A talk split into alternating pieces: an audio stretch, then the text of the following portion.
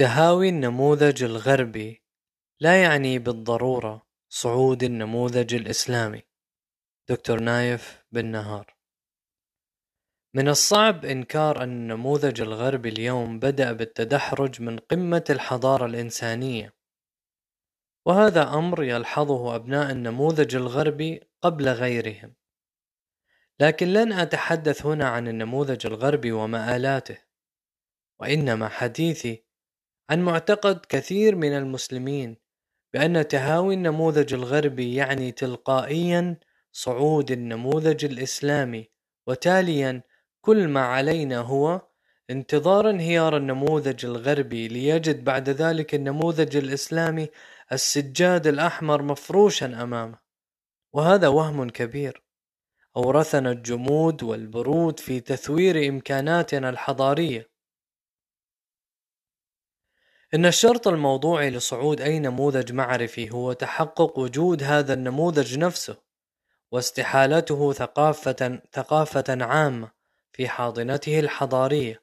ولست أبالغ إن قلت إن المسلمين اليوم لا يمتلكون نموذجا إسلاميا جاهزا للتشغيل في الموضوعات الإنسانية وإدارة الوجود الاجتماعي بمختلف أنماطه. فضلا عن أن يكون هذا النموذج مهيمنا على الإنتاج الفكري الإسلامي. وهذه الحقيقة التي لطالما غضضنا الطرف عنها بذرائع مختلفة. يجب اليوم مواجهتها مواجهة جادة من كل الذي يعنيهم أن يكون الإسلام قبلة الحضارة الإنسانية. لو سألتنا لو سألتنا الحضارات الأخرى ما النموذج الإسلامي في الاقتصاد؟ وما النموذج الإسلامي في السياسة وما النموذج الإسلامي في الاجتماع والمعرفة والتربية. وأنا أعني بالنموذج البناء المعرفي الذي يتضمن تناسقا بي بين في التصورات الوجودية والتصورات القيمية والتصورات المفاهيمية. ثم أخيرا تفعيل ذلك إجرائيا مع البيئة المعاصرة. هل لدينا اليوم نموذج إسلامي بهذه الصفات؟ يصلح تقديمه للإنسانية. شخصيا لا أرى شيئا من ذلك أنجز.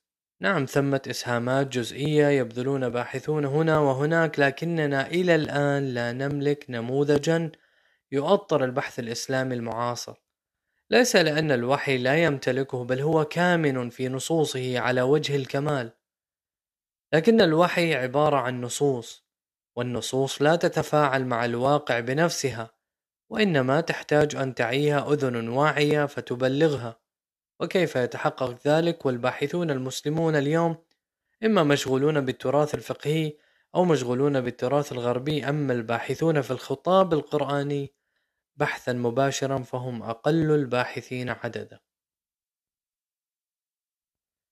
وإن كنت في ريب من ذلك فانظر إلى المناهج التي تدرس في كليات الشريعة في كل الجامعات.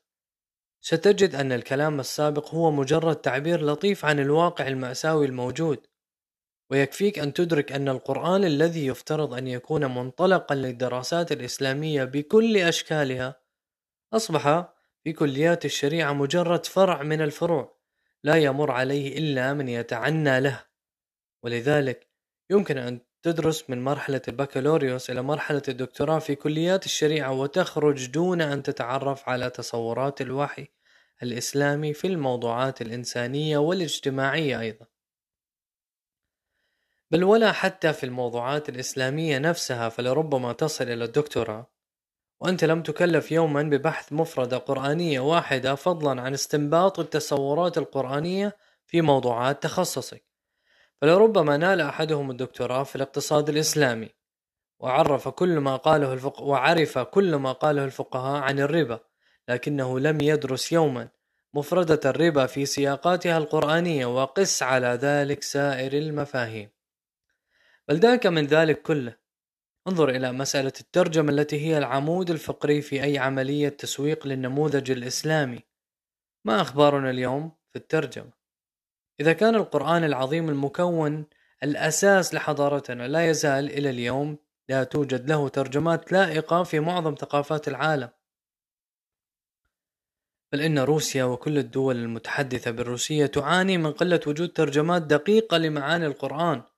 حتى تحسر المفكر الروسي ميخائيلوف على حالة ترجمة القرآن الروسية وذكر أنها ترجمت من النسخة الإنجليزية التي تتضمن كثيرا من التحريفات التي أساءت للقرآن وهذا برأيه سيحول دون قبول الروس للإسلام. فإذا كان القرآن إلى الآن لم نحسن نقله للعالم نقلا يليق بعظمته فما ظنك بما هو دونه؟ ولست أعني بالكلام السابق إحباط الضمير الإسلامي المتحمس ولكن القرآن علمنا أن الأماني لا ترفع للإسلام راية. وإنما العبرة بالعمل اللائق بالشهود الإلهي. وقل اعملوا فسيرى الله عملكم ورسوله والمؤمنين والمؤمنون. لأجل ذلك أقول إن تهاوي النموذج الغربي يجب أن يجعل الباحثين المسلمين يعلنون حالة الطوارئ لصناعة النموذج الإسلامي في كل المجالات الإنسانية. كل باحث في مجاله وتخصصه وإلا يكن ذلك واقعا مشهودا فإن كل أصواتنا العالية والمتحمسة لن تجد ما يرد صداها فالورد لا ينبت بصوت الرعد مهما علا.